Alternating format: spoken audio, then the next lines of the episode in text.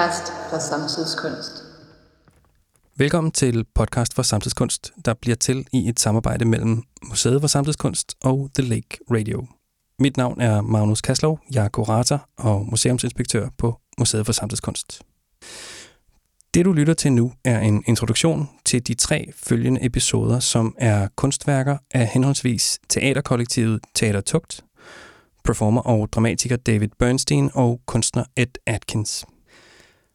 Da Danmark lukkede ned, satte vi gang i en serie af nykommissionerede lydværker. En serie, som vi kaldte Isolationskunst. Det er en række værker, der blev skabt særligt til denne podcast, og som alle responderer på den globale undtagelsestilstand og den isolation, som coronapandemien har medført. Isolationskunstserien består indtil nu af syv værker skabt af kunstnere fra forskellige steder i verden med isolationen som det fælles tema. Efter vi offentliggjorde de sidste af de værker, der begyndte Danmark for alvor at lukke op igen, i takt med at smittetallet faldt og den danske epidemi kom under kontrol. Vi talte derfor om, at hvis vi skulle fortsætte serien, så skulle det være med de ændrede tilstande inden mente. Og fornemmelsen var, at der var en masse ting, som vendte tilbage, men ikke helt vendte tilbage til normal. Hverdagen kom tilbage, men ikke på samme måde. Så det var med det som ramme, at vi inviterede Teater Tugt, David Bernstein og Ed Atkins. Skab et værk, som peger mod de nye normaler, som vi kommer til at møde efter coronaen. En af de ting, jeg synes, der har været interessant at se på, det er de sociale omgangsformer, som vi stadigvæk bærer rundt på som følge af tidligere epidemier. For eksempel så skulle det være under den spanske syge i 1918 til 1920, at vi kollektivt blev opdraget til ikke at spytte på gaden. Der blev i England iværksat en sundhedskampagne med ordene Spit spreads death i kapitaler på plakater i det offentlige rum. Den kampagne skulle efter sine være en afgørende grund til, at vi i dag anser det at spytte på gaden som noget ulækkert og uacceptabelt. Noget asocialt nærmest. Og det får i hvert fald mig til at tænke på, hvilke af de sociale omgangsformer eller beføjelser fra denne pandemi, som vi kommer til at installere som permanente regler fremover. Måske endda uden at huske, hvor de overhovedet kom fra. Det var altså tanken. Hvor lander vi? Hvad bliver normalerne på den anden side af coronaen? En ting, som dog bliver tydelig nu, hvor de tre værker er færdige, det er, at de alle sammen i et eller andet omfang har betragtet starten på den nye normaltilstand, altså starten på fremtiden, kunne man måske sige. Ikke som noget, der begyndte med genåbningen. Det var ellers det, jeg havde tænkt. Men nærmere, at fremtiden begyndte med nedlukningen og med isolationen. Det er et skræmmende perspektiv, hvor det er undtagelsestilstanden, der er den nye normal. Og på den måde så ligger de tre nye værker i lige forlængelse af de syv isolationskunstværker.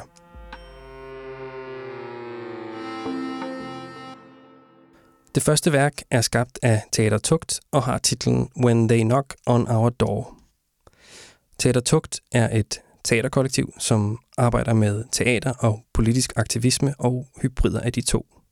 De har blandt andet stået bag maraton-eventet Asyl 34, der hen over 34 timer og gennem 34 kunstneriske, litterære og musikalske bidrag behandlede de 34 stramninger af den danske asyllovgivning, som den danske regering vedtog i 2016 med Inger Støjberg i spidsen.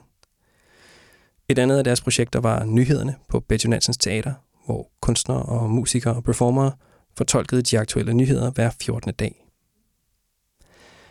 Da jeg inviterede Teater Tugt og talte med Nynne, der er en af kræfterne bag projektet, havde hun nærmest med det samme ideen til, hvordan opgaven skulle gribes an.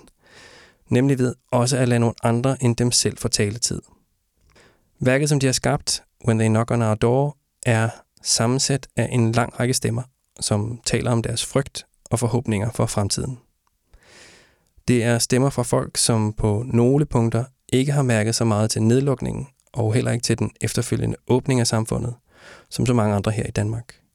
Folk, der befinder sig på en isoleret ø, lukket inde, selv isoleret i en lejlighed. Folk i lejre i Italien og i Schweiz og i Sjælsmark her i Danmark. I alt 13 personer, Shakira, Innocent, Javid, Line, T.S., Bertram, Hassan, Nahid, Rosalinde, Nynne, Tit, Kansaman og Mona. Værket er en collage En krydsklipning mellem de 13 stemmer, der er delt op i korte sekvenser og sat sammen til et nyt hele. Alle er blevet bedt om at tale om fem ting, de frygter, fem ting, de drømmer om, fem ting, de kan se der, hvor de er, og fem ting, de hører eller har hørt. I det færdige værk blander stemmerne sig, og deres håb og frygt bliver flettet sammen. Ord som familie, camp, politi og Danmark går igen. Det andet værk i serien er skabt af performer og forfatter David Bernstein, der bor og arbejder i Toronto. Det har titlen Immunity Clues. David Bernstein er uddannet dramatiker og har blandt andet skrevet følgetongforestillingen Lift You Up Just Like Patrick Swayze, der kørte i syv afsnit på Teater Momentum hen over efteråret og vinteren sidste år.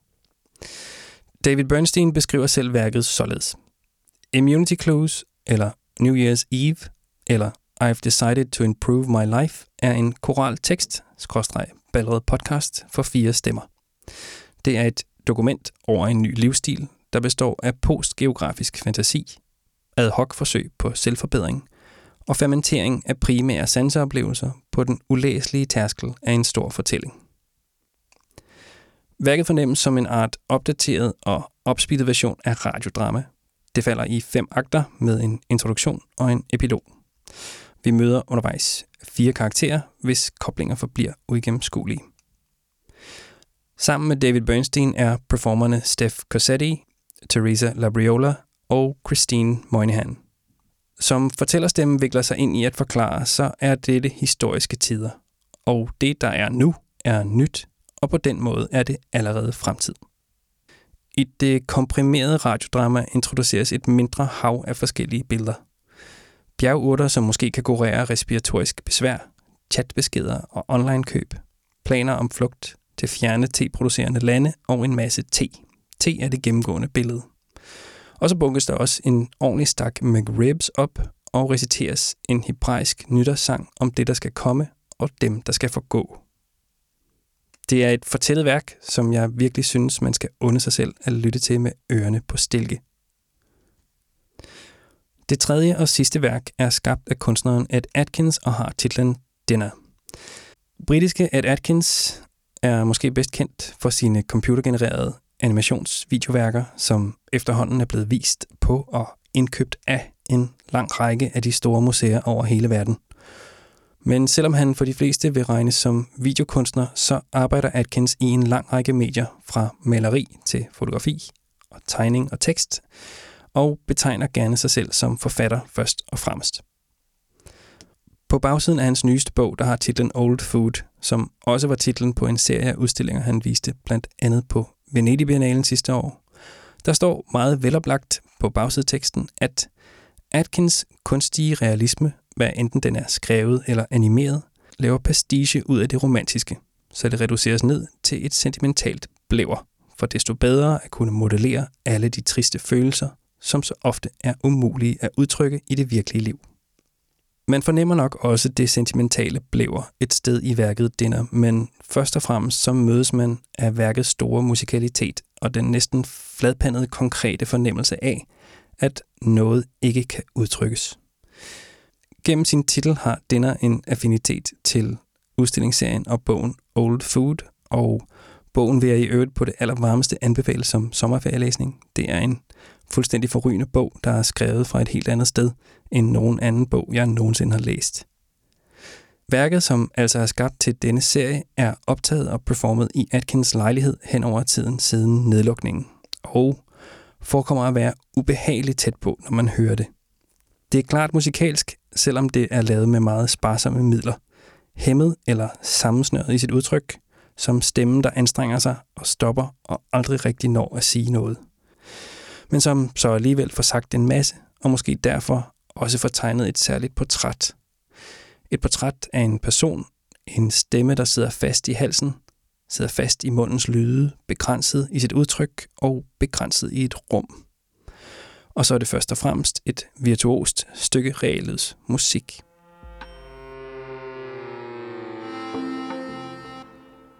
Som afrunding på den her introduktion, så vil jeg minde dig, der lytter om, at hvis du kan lide, hvad du hører i kunstnernes værker, så vil jeg opfordre dig til at kigge og lytte nærmere på deres øvrige praksiser. Der er ikke nogen af dem, der arbejder med lyd som deres primære medie, så jeg vil opfordre dig til at opsøge nogle af de andre værker i form af tekster, teaterperformances, videoværker, dramatik, maleri og meget mere. Tusind tak til Teater Tugt, til Shakira, Innocent, Javid, Line, T.S., Bertram, Hassan, Nahid, Rosalinde, Nynne, Tit, Kansaman og Mona. Og tak til David Bernstein og hans medperformere, der er Steph Cassetti, Teresa Labriola og Christine Moynihan. Og sidst, men ikke mindst, tak til Ed Atkins.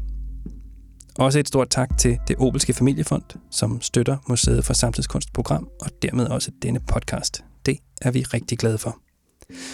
Så har jeg kun tilbage at sige, at podcast for samtidskunst bliver til i et samarbejde mellem Museet for Samtidskunst og The Lake Radio. Tak fordi du lytter med.